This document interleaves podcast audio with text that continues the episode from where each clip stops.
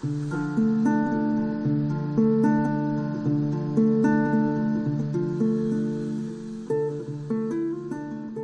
denk dat ik toen ik zeven jaar was, wilde priester worden. Ja, Jezuïeten zijn uh, religieuzen, waarvan de meeste priesters zijn, maar niet allemaal. Ik heb 55 jaar in Congo gewerkt.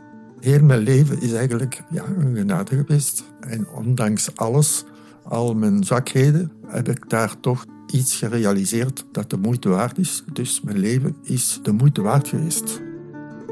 Tot meerdere eer van God. Jezuïeten in de lage landen. Dat is de enige tijd van mijn leven. Ik heb geen ander leven gehad. Ik heb, ben 55 jaar in Congo geweest. Ik heb dat altijd heel rijk gevonden. Maar toen stonden ze ook met geweer voor mij.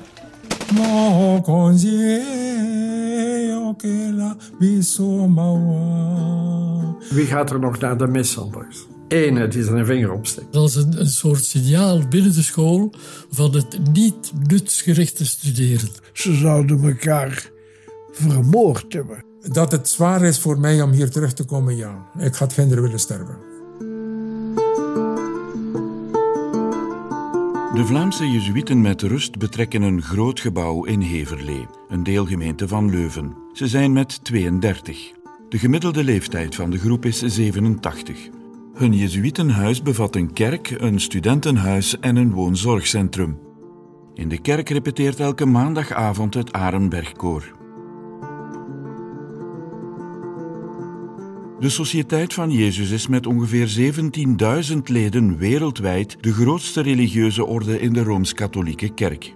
De orde werd in de 16e eeuw gesticht door een onstuimige jongeman van adellijke komaf, Ignatius van Loyola. In de reeks audiodocumentaires Tot meerdere eer van God, Jezuïeten in de Lage Landen, praat ik met Vlaamse en Nederlandse Jezuïeten over hun overtuiging, hun geloof, hun inspiratie hun leven. Ik breng eerst tijd door in het Jezuïtenhuis in Heverlee. De meeste bewoners daar waren tijdens hun actieve leven missionaris.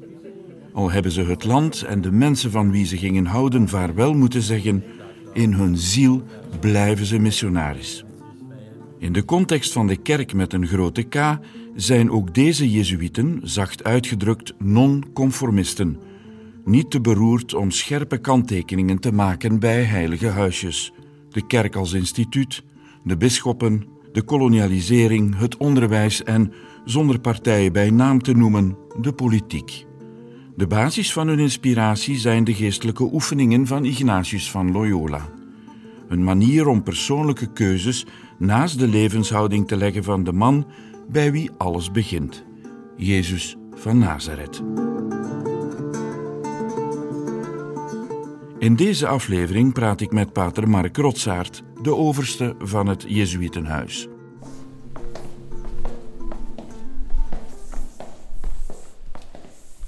Het is wel groot hier, hè?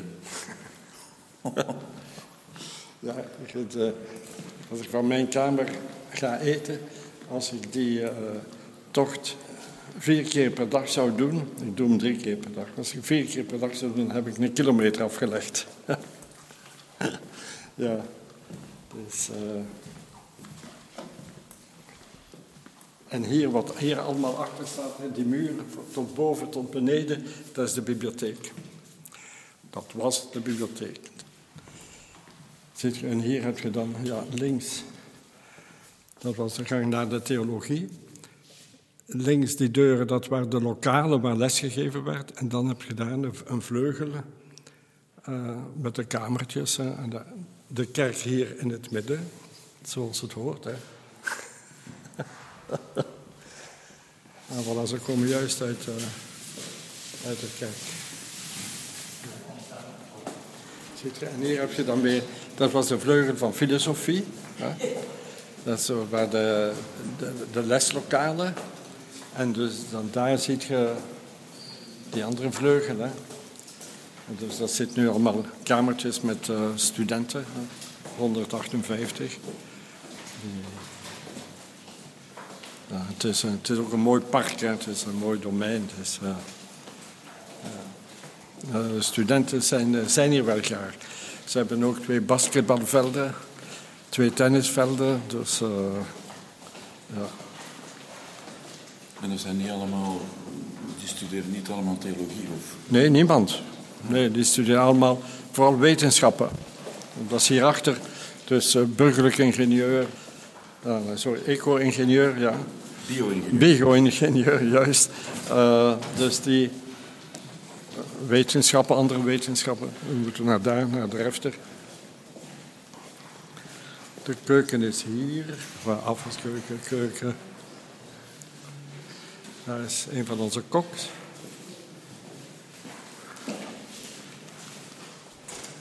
Dat kunt je zien op het, uh, het grote foto bij de ingang. Toen het pas gebouwd was, het was gebouwd, was onder dak en alles. En toen constateerden de oversten dat het te klein was. dat, dat, er zaten meer mensen om erin te doen. En, en vijf jaar later was het te groot. Wij zijn dan twee jaar daarna hier toegekomen. Uh, ja, toen was dat nog, ik denk dat met 185 of zo. Of 190 zaten. Ja, doe dat maar. Uh, de begrafenisondernemer heeft gevraagd dat je de tekst of het uh, voor de krant zou doorgeven voor uh, ja, het overlijden. Ik, ik, hoop dat dat gedaan is. Ah. Dat zou deze voormiddag Paul gedaan hebben. Wanneer heeft hij gebeld? Ah ja, die is hier geweest voor de papieren. Ah, ja. En toen heeft ze dat gevraagd. En ze vroeg ja, naar u, maar ja, als ja, maar het is, uh, anders vraag ik het eens aan Pater van Looy. Ja, het was klaar. Het is er mogelijk. Ik had nog een kleine verandering voorgesteld.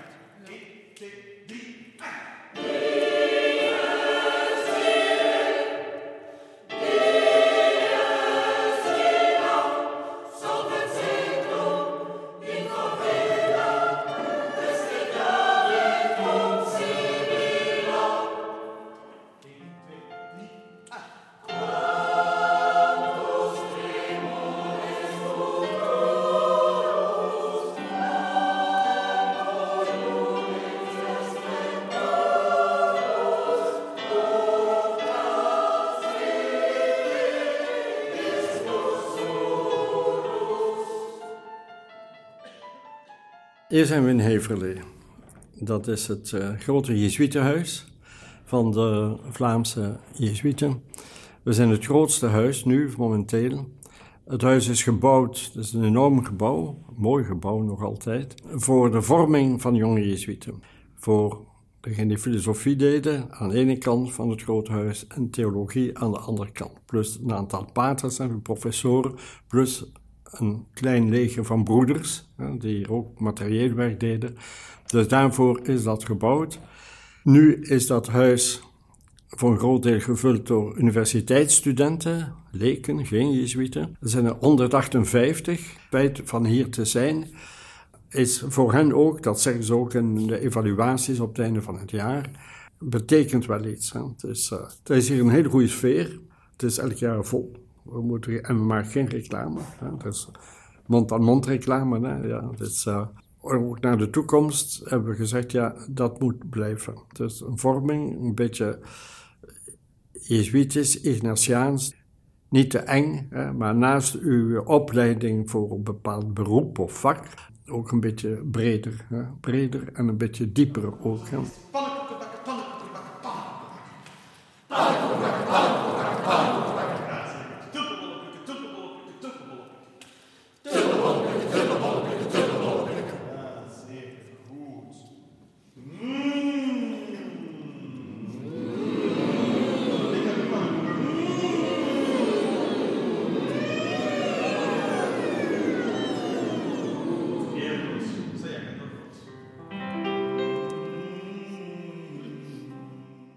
Ja, Jezuïeten zijn uh, religieuzen, waarvan de meeste priesters zijn, maar niet allemaal. Ook broeders, Jezuïetenbroeders.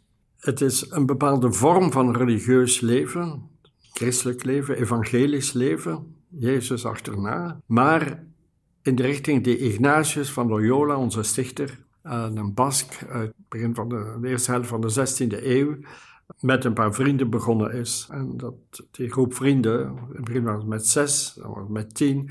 Bij de dood van Ignatius, tien jaar later, waren ze met duizend. En niet alleen uh, in Italië, maar waar het dan is gaan, gaan leven en wonen in Rome. Maar ook een beetje al in verschillende continenten, toen al En waar houden Jezuïeten zich mee bezig? Dat is een vraag die, die ik dikwijls krijg. Dan moet ik antwoorden met van alles. We hebben ook hier bij ons medebroeders die priesterarbeiders zijn. En we hebben er een die dokter is. En we hebben heel wat van ons zijn in colleges geweest, lesgevers, collegepaters zeggen wij. Dus die hebben een deel van hun leven aan de opvoeding van de jeugd in onze colleges voor middelbare studies. Uh, maar daartussenin ook, we hebben retrettenhuizen, bezinningscentra. Dus een aantal dan daar een, een werk vinden. Het sociale apostolaat, ik zei dat zijn priesterarbeiders, maar dat is in de jaren 70, heeft dat wat meer, uh, 70, 80 enzovoort, heeft dat wat meer kleur gekregen, meer, ook meer aanvaard door de grote groep. In Antwerpen hadden we de faculteiten Sint-Ignatius, dus dat was voor letteren, wijsbegeerte, rechten, sociale wetenschappen, denk ik. Maar de eerste twee jaren, nu zou dat bachelor zijn. In Namen hebben we dat ook. De Jezuïeten eh, in Namur hebben ze Notre-Dame de la Paix. Dat was hetzelfde, zo'n beetje een pardon. Maar zij hadden ook uh, in Namen geneeskunde, exacte wetenschappen. Wat doen Jezuïeten? Ja. En alles wat ik niet vermeld heb daartussenin is ook mogelijk. Het hangt ook veel van de charisma van de persoon af. En toen de tijd van, van de noden die er zijn in Vlaanderen, de, de kerk die op ons een beroep doet voor bepaalde dingen dat moet dan allemaal worden afgewogen. En het is er ook altijd een beetje de moeilijke onderscheiding, denk ik, bij de provinciaal, die dan die een zending geeft. Wat is nu eigenlijk de roeping van deze man? Hè? Uh, het is niet omdat er daar iemand nodig is, hup, en heeft daar een diploma voor, dus die gaat daar naartoe. Zo gaat dat niet. Misschien ging het zo lang geleden, maar dat heb ik ook al niet meer meegemaakt, dat het men zomaar op een schaakbord hè, de mensen verplaatste. De dialoog tussen de, de Jezuïet en zijn provinciaal overste is fundamenteel voor Ignatius. Hè. En dat is een heel serieuze dialoog. Dus een provinciaal moet elk jaar al zijn mensen bezoeken. En we noemen dat, omdat het zo in het Latijn in onze teksten staat, een ratio conscientiae, dus een rekenschap geven van uw geweten. Dus die provinciaal moet weten, hoe kan ik de juiste man op de juiste plaats zetten. En dus dat hangt niet alleen van zijn diploma's af. Dat hangt af van wie die man is, van wat hij zelf aanvoelt, van wat hij verlangt. En dat wordt dan in gesprek gelegd. Om, om bijvoorbeeld bij mezelf te beginnen, na mijn officiaat heb ik hier drie jaar filosofie gedaan. Dat was toen een licentie in drie jaar uh, filosofie. Maar om te beginnen, waarom de keuze voor Jezuïeten? Dat zijn heel lange verhalen. Ik denk dat ik toen ik zeven jaar was, wilde priester worden. Wel, hoe kwam dat? Wij waren een gelovig gezin. Ja. Mijn vader was dokter en ging naar de mis zondags en zo. Jeugdbeweging, allemaal katholiek natuurlijk toen. En, uh, ik voelde dat aan en ik heb toen aan Sinterklaas gevraagd om mij de kleren te geven om de mis te kunnen doen. En die goede Sint heeft dat gedaan. Die is eerste maat te komen nemen natuurlijk. Die heeft dan twee kazuivels gemaakt, een witte en een groene. En dan een kleine kelk en zo allemaal speelgoed dingen. En dus ik las dan de mis, zo gezegd, hè, voor mijn broers en zussen. we waren met vijf thuis. En uh, als communie, dat was, zo kon ik ze toch aantrekken om naar, de mis, om naar mijn mis te komen. Als communie kreeg ze zo'n witte pepermunt bolletje. Hè? Dat, was dan de communie. Ja. Dat zegt iets, dat, is kinderlijk, dat is... Uh... maar mijn ouders hebben zich daar ook nooit tegen verzet, want anders zou Sinterklaas dat niet gebracht hebben. Hè?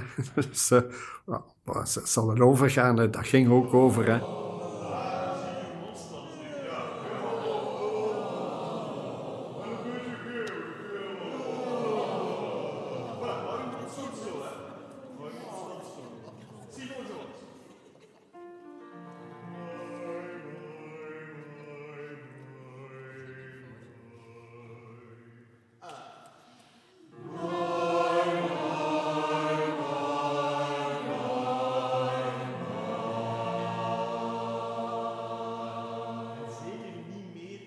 In Hasselt hadden we dan nog, dat is een volgende stap, als we het Heilig Paterke van Hasselt, dat is een Franciscaan. En die was toen dienaar Gods Ondertussen is die zalig uh, verklaard, maar toen nog niet. En die was heel populair in Hasselt en omstreken. En ik ging daar dus ook, ik moest dan wel een omweg doen naar school, maar ik ging daar dikwijls, hij had zo'n een eigen bidkapel in dat klooster. Het ging zelfs zo ver toen ik wist dat die bruin paters, zoals wij dat zeiden, blootsvoets of op sandalen, maar dus geen kousen aan, heb ik dat ook eens na willen doen in, in de winter.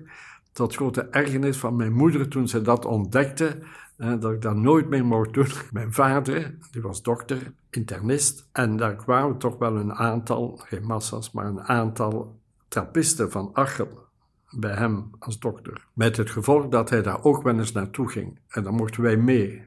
Mijn oudste broer en ik, die trappisten wel leren kennen.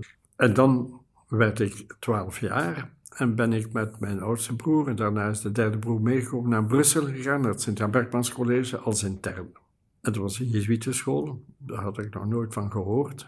Het enige Jezuïtenschool die in Hasselt bekend was, uh, dat was Turnhout. En was toen nog altijd bekend als een soort strafkolonie. En mijn ouders zeiden, maar dat wij willen die niet straffen. Wij zenden die niet omdat die gestraft zijn. Dus, eh, en dan hadden zij vrienden, kennissen, die hadden een zoon en die was in Brussel op Sint-Jan. Goed, we zijn dus daar eh, naar, naar Brussel gegaan en en dat heeft, uh, ja, die roeping dus blijkbaar lang op andere aan smeulen was, uh, heeft dan wat gestalte gekregen. Wat heeft mij de doorslag om bij de Jezuïeten te gaan? Dat, ik denk tweeërlei. Dat is natuurlijk reflectie die je achteraf, maakt. Hè, maar ten eerste, alle klastitularissen waren toen nog Jezuïeten. Wat mij, maar ook mijn broers getroffen heeft, dat was ja, over het communiteitsleven van de Jezuïeten wisten we niets. Misschien was dat toen ook beter om dat niet te weten. maar dat daar een ploeg was, een team die allemaal aan hetzelfde zee trokken. En dus onderwijs gaven en opvoeding. Eh, en we hadden een aantal hele goede leraren. Maar ook, dat was dan voor onze interne, we waren maar 50 interne. Dus dat was zo'n beetje een familiale sfeer. En degene die dat verlangde, konden, en ik had dat natuurlijk, niet alleen omdat je dan ook eens buiten waart, dat deed ook, we speelden mee, maar uit interesse. Ik had een abonnement op eh, jeugd en muziek, op de KVS, een toneelstuk, en op de Theater du Parc. Zo werden wij opgevoed. En dat is mij altijd bijgebleven, dat dat brede, dat, dat verbreden van uw horizon. Hè? Dus goed, vooral cultureel was dat dan zo in die tijd. Maar dus dat heeft, dat heeft zeker meegespeeld en dat heb ik later als jezuïet ook zelf mogen ervaren dikwijls. Dat, dat, uh, dat zit in onze spiritualiteit. Dan denk ik dat, dat is een beetje, laten we zeggen, het zit in onze DNA. En dan ben ik mij gaan aangeven. Hè? Dan uh, moet je gesprekken met vier paters, zo was dat toen. Van mijn noviciaat, daar weet ik niet meer zoveel van. Ik was daar heel gelukkig, uh, maar het was een beetje ja, irreële wereld. Zo, hè. We hebben daar de 30 Duitse geestelijke oefeningen van Ignatius gedaan. En dat weet ik nu wel natuurlijk, omdat ik bestudeerd heb. Maar ik was veel te jong om dat te doen. Hm. We waren allemaal van dezelfde leeftijd. Er was één laadroeping bij en die was 22 jaar. Dus we waren met 21 ingetreden. En het jaar voor ons was er ook 21, het jaar na ons ook. Dus we hadden altijd een groep van 40-tal, want het is twee jaar noviciaat. We hadden dan stagetijden, zo een maand in een ziekenhuis gaan helpen of in een bejaardenhuis. En, uh, het heeft wel bevestigd dat ik op de goede plaats was, waar, waar ik wilde zijn, waar ik dacht dat ik moest zijn.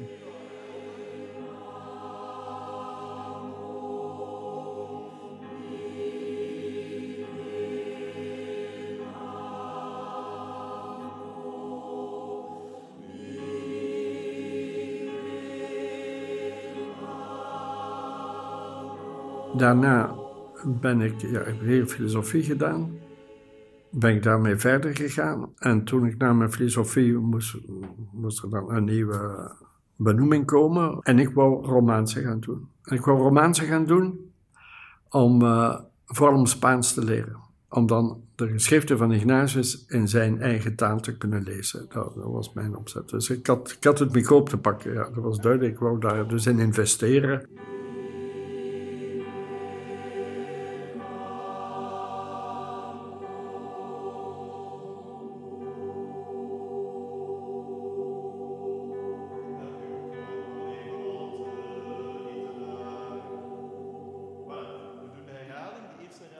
Ik heb dikwijls gemerkt dat in conferenties die ik gaf, ik heb dan altijd gemerkt dat, ja, gezorgd dat je iets zinvols te zeggen hebt.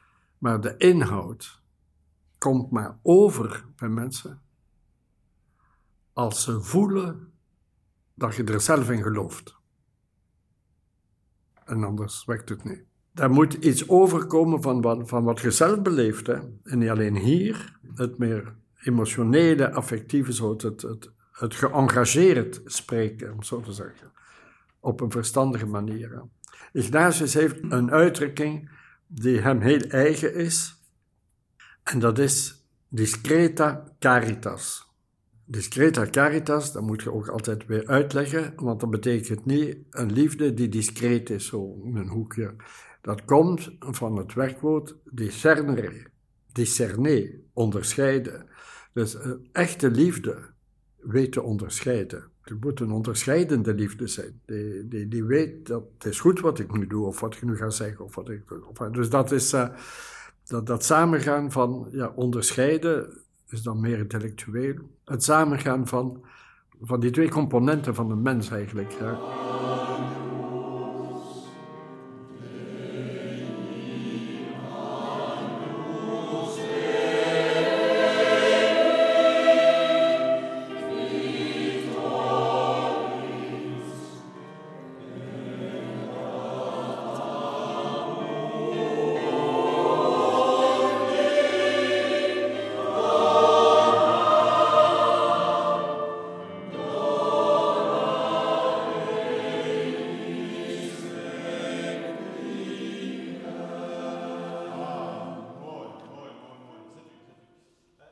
Dat op één generatie tijd is het weg. Ik heb dat gezien bij mijn broers. Die zijn gelovig, die, gaan, die praktикeren, die, dat zijn geen kwezels, helemaal niet. Hun kinderen, die gaan niet meer naar de mis.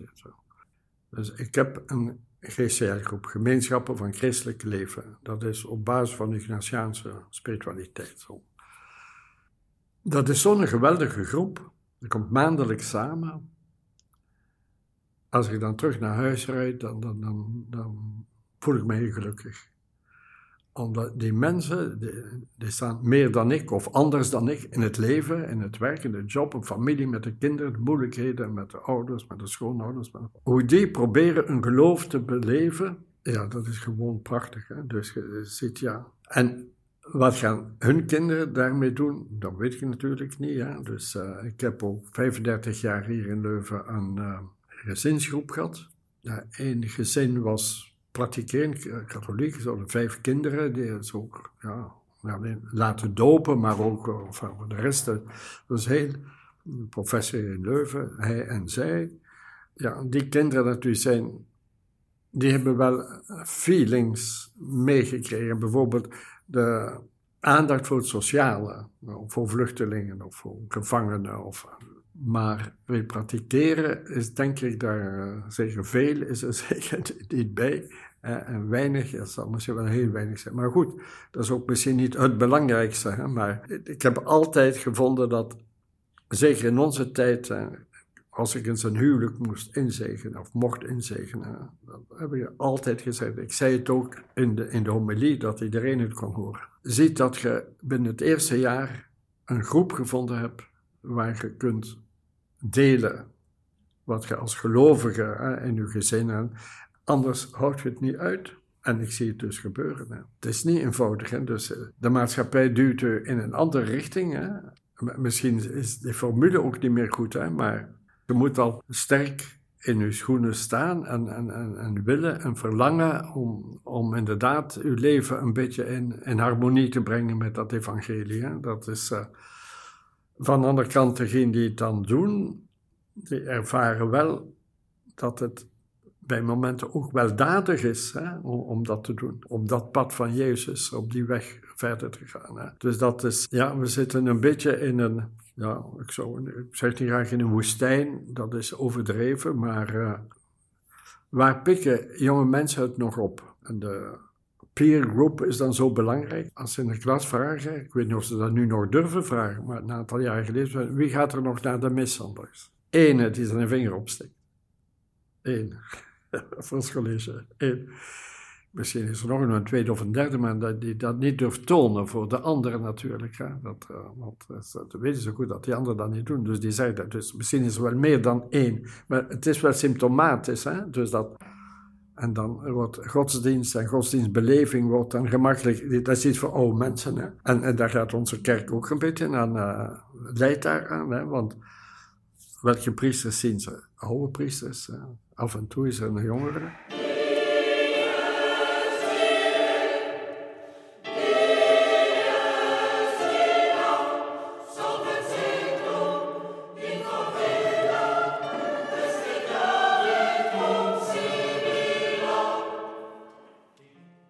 Soms heb je een pastoor die ergens benoemd wordt en die daar plots weer leven brengt in de, in de parochie. Hè.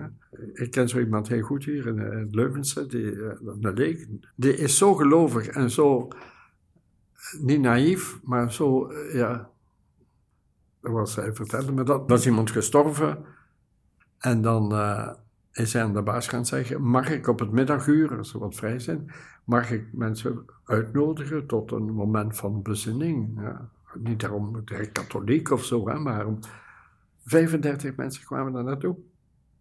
En dan denk je, ja, dat zijn momenten, een huwelijk, een begrafenis. Hè.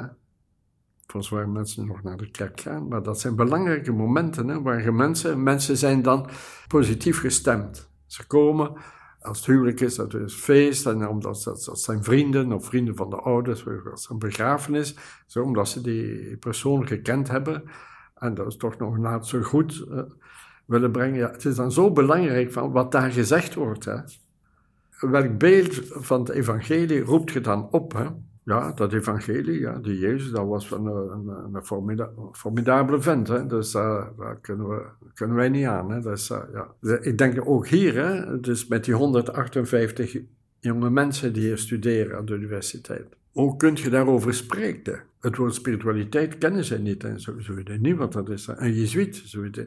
Want een van die modules is narratio. En dan moeten ze met twee, bij een paar paters hier, die zich kandidaat gesteld hebben, moeten ze voor een gesprek gaan. Om, om die pater te leren kennen, om de jezuïeten te leren kennen. Ja. En ja, je staat dan verstomd. Hè. Je moet het A, B, C nog leren en leren, want ze ze weten niet, hè, spiritualiteit. Dat woord hebben ze nog nooit gehoord. Uh, een jezuïet, wat is dat eigenlijk? Uh, een priester, een pastoor, een pastoor. Alles, hè. Het is allemaal weg. Bij velen, hè. Er zullen ook wel uitzonderingen zijn. Maar het is allemaal weg. Als je dan kijkt naar jongeren, jezuïeten, maar ook andere seminaristen, priesters.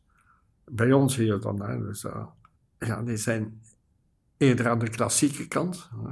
Als ze een bootje kunnen dragen, zullen ze het niet laten. Wij waren blij dat we het konden afdoen. Zoveel jaar geleden. Nu, dat weet ik wel. Daar hangt het nu niet van af. Hè. Dat is, uh, ja. Maar het zegt wel iets. Hè. En dus die mensen, die willen ook veel meer expliciet. Dat zullen zij niet zo uitdrukken. Hè. Dat mijn, zijn mijn woorden. We moeten uit die catacomben komen. We moeten er weer over spreken. Hè. En, botst het niet dan. Ja, maar... als je maar niks zegt, dan, en als je zo voorzichtig bent altijd en in de hoop dat ze toch wel iets gaan snappen. We hebben zo'n paar jongere mensen hier, niet veel, hè, maar niet hier in huis, maar in Leuven zijn er wel een paar. Dus, uh, dus uh, dat, dat is een moeilijk probleem.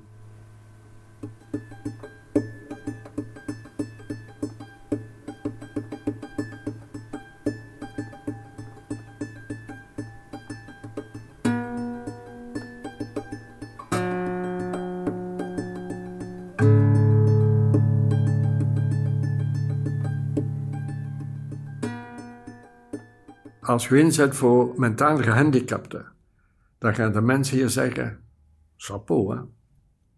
Je moet het toch maar doen. Wat dat nu te maken heeft met het evangelie, bij de meeste mensen komt dat niet meer op.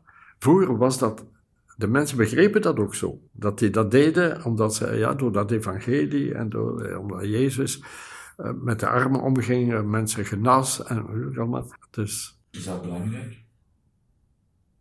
Ja, ik, ja? Je zou kunnen zeggen, als ze het maar doen. Als ze maar goed doen. Ah ja, ja, ja, ja maar dat, dat is zeker. Dat is zeker. Maar uh, de, vraag is altijd, ja, het evangelie, de kerk, uh, het geloof, is nog iets meer dan goed doen. Hè?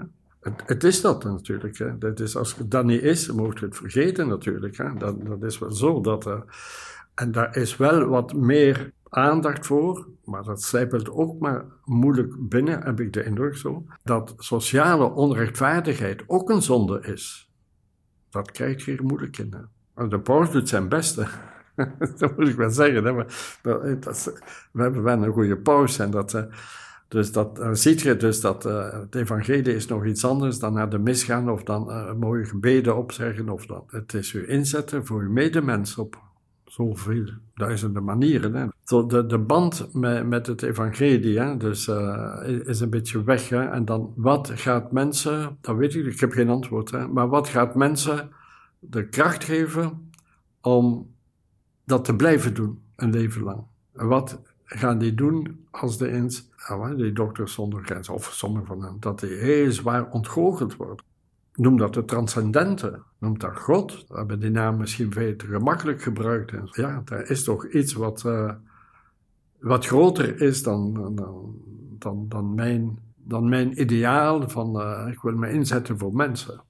En toch is er die band, hè? dus uh, wat gaan de mensen van de mijne heb gedaan, heb je aan mij gedaan. Daarom moet je het niet doen dat, ik denk voor een christen blijft dat een, een dimensie van, van, van zijn inzet. Dat hij, maar hij doet het voor deze concrete mens, voor die zieke, voor die gehandicapte, voor die vluchteling. Voor het, maar ja, van waaruit? Hè? Wat motiveert mensen? Als wij zelf geloven hè, dat, dat Jezus ons, ons iets bij te brengen heeft, dan moeten we dat blijven verkondigen. Dat is, uh, wee mij als ik niet verkondig, zegt Paulus. Hè. En ik denk dat dat, uh, dat, dat nog altijd zo is. Dat, dat, dat, dat hoort bij DNA van, uh, van een christen. Waar gaat het naartoe met de Jezuïeten? Ja, dat weet ik niet. Wel, er zijn natuurlijk andere plekken in de wereld waar er wel roepingen zijn. Hè. Uh, hier niet. Nederland ook één, twee. Nou, voor het ogenblik zijn er geen novices. En, en, en, waar gaan de werken van de Jezuïeten naartoe? En, en alles de toekomst daar hebben we dus geen, uh, geen antwoord op. En is het een troost dat er in Afrika en in Azië wel meer roepingen zijn? Dan, ja, daar ben ik blij mee, maar dat verandert niks aan de situatie hier. Hè. Dat is uh, zoals we ook hier met de Raad van Bestuur nadenken over wat moet er hier met die site gebeuren wat we nu al beslist hebben, het moet een vormingscentrum blijven, in elk geval, voor jonge mensen. Uh, waar we een aantal elementen van onze spiritualiteit willen meegeven met de jonge mensen. Hm? Plus het. Niet veel doen, maar de dingen goed doen. niet oppervlakkig, maar naar de diepte gaan. Niet juist uw, uh, uw vakje kennen, maar een beetje een breder zicht hebben. Een beetje ecologie, ja, dat is allemaal mooi van hier uw eigen tomaten in de tuin trekken, maar dat vind ik, dat moeten wij niet doen. Dat mogen we doen, maar als er ook een reflectie is op ecologie en onze situatie van vandaag. Dat, en dat is dan de aanbrenging die wij, die wij brengen. Hè, dus dat uh, is nog iets meer, plus het dan voel. Dus dat... Uh, en dat heeft dan ook weer te maken met, met geloof hè, en met uh, mensen uitnodigen tot. Tot wij, wij, wij, hebben altijd zo'n magisch, dat is het maas. Magisch is Latijn, is Latijn het meer. Dus je moet de dingen goed doen, je moet ze beter doen. En dan is dat dikwijls verkeerd verstaan, dat beter dan uw gebuur. Nee, nee beter dan wat je tot nu toe zelf doet. Dat is meer in u. Dat is een, van, van die principes van, die ik haal uit de spiritualiteit van Ignatius en vooral van de geestelijke oefeningen voor onze pedagogie in de grote. Is ten eerste, zal Ignatius zeggen, je moet vertrekken van het punt dat elke mens is uniek. Er is geen kopie van. Ten tweede, elke mens is door God gewild uit liefde. Dus je moet van je mensen houden. En ik daar zegt dat ook in veel brieven. Hè, dus, eh, de kern van onze zending is zo formuleer ik het op bepaalde plaatsen, is van mensen houden. Dus je moet geloven in, de goedheid uh, van de mens. Je moet geloven, dat was het tweede, geloven. Elke mens is uniek. Je moet geloven dat elke mens kan veranderen, kan beter doen, kan eh, van het punt waar hij is, ook weer niet in vergelijking met een ander, maar elke mens is tot plus et en tot magisch, tot maas in het uh, Spaans, tot, tot meer in staat. Ten derde, je moet van die mensen houden. Dus hij is hier uit liefde gekomen. Je moet van uw mensen ook op school of ook in de oefening of houden. Maar ten vierde, je moet niet naïef zijn. Je moet lucide blijven. Want een mens is niet alleen goedheid. Er zit ook iets, die wordt ook wel door, door, door, door kwaad uh, besprongen af en toe. Hè. Dus, uh, dus dat zijn zo vier principes hè, die, die ik vanuit de geestelijke oefeningen zo voor, met mensen omgaan. Eindig misschien met te zeggen, uh, als ik zo die 61 jaar als jezuïet bekijk, wat zijn de twee rode draden in mijn leven? Eén, vriendschap. Vriendschap met vele jezuïeten de jaren heen. Ignatiaanse spiritualiteit. Ignatius. Dat, is ook in mijn leven meegegaan. En die, die vriendschap, ja, dat is, is zoiets zo... Dat zult je niet alleen bij de Jezuïeten merken, neem ik aan, je elders ook wel merken. Maar ik heb dus veel gereisd. Overal waar je komt, als Jezuïet, je gaat, is normaal, naar een Jezuïetenhuis, je voelt onmiddellijk thuis. Je bent van de familie. Dat is... Uh, en natuurlijk zijn er verschillende. Een Amerikaan is geen Vlaming, een Vlaming is geen Japaner, enzovoort. Dus, maar, maar je bent wel van eenzelfde familie. En ik ben twee keren naar een algemene congregatie, dat is een algemene vergadering van de ordes met 250 Jezuïeten zitten we dan daar. En dan vraag je, hoe komt dat er zo'n eenheid is in die groep? Al hebben we verschillende ideeën over het een en ander. En dat gaat dan altijd terug, iedereen zegt dan geestelijke oefeningen. En dan denk ik, ja, ja, dat is waar. Hè? Maar ik weet heel goed dat ze in Japan de geestelijke oefeningen anders doen dan ik ze hier geef. Ook dat doet je vanuit je cultuur.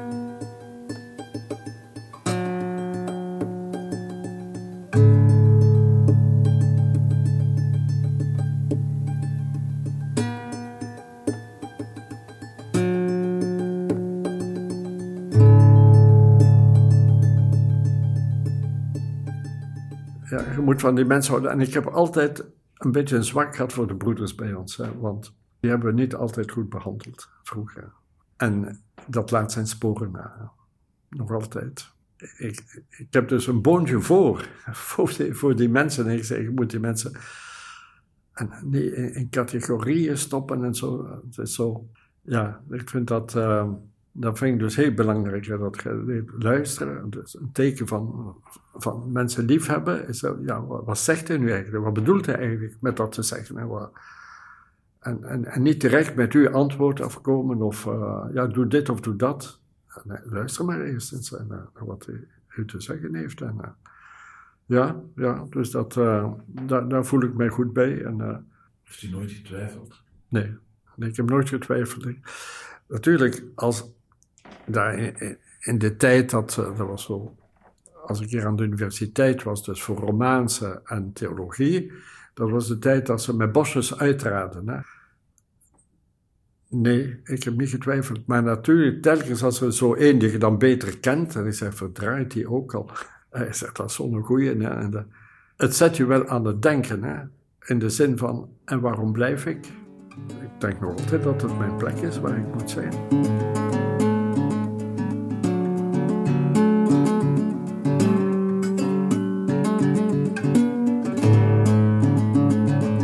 Dit was Tot meerdere eer van God.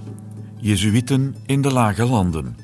Met pater Mark Rotsaert. Fijn dat u luistert.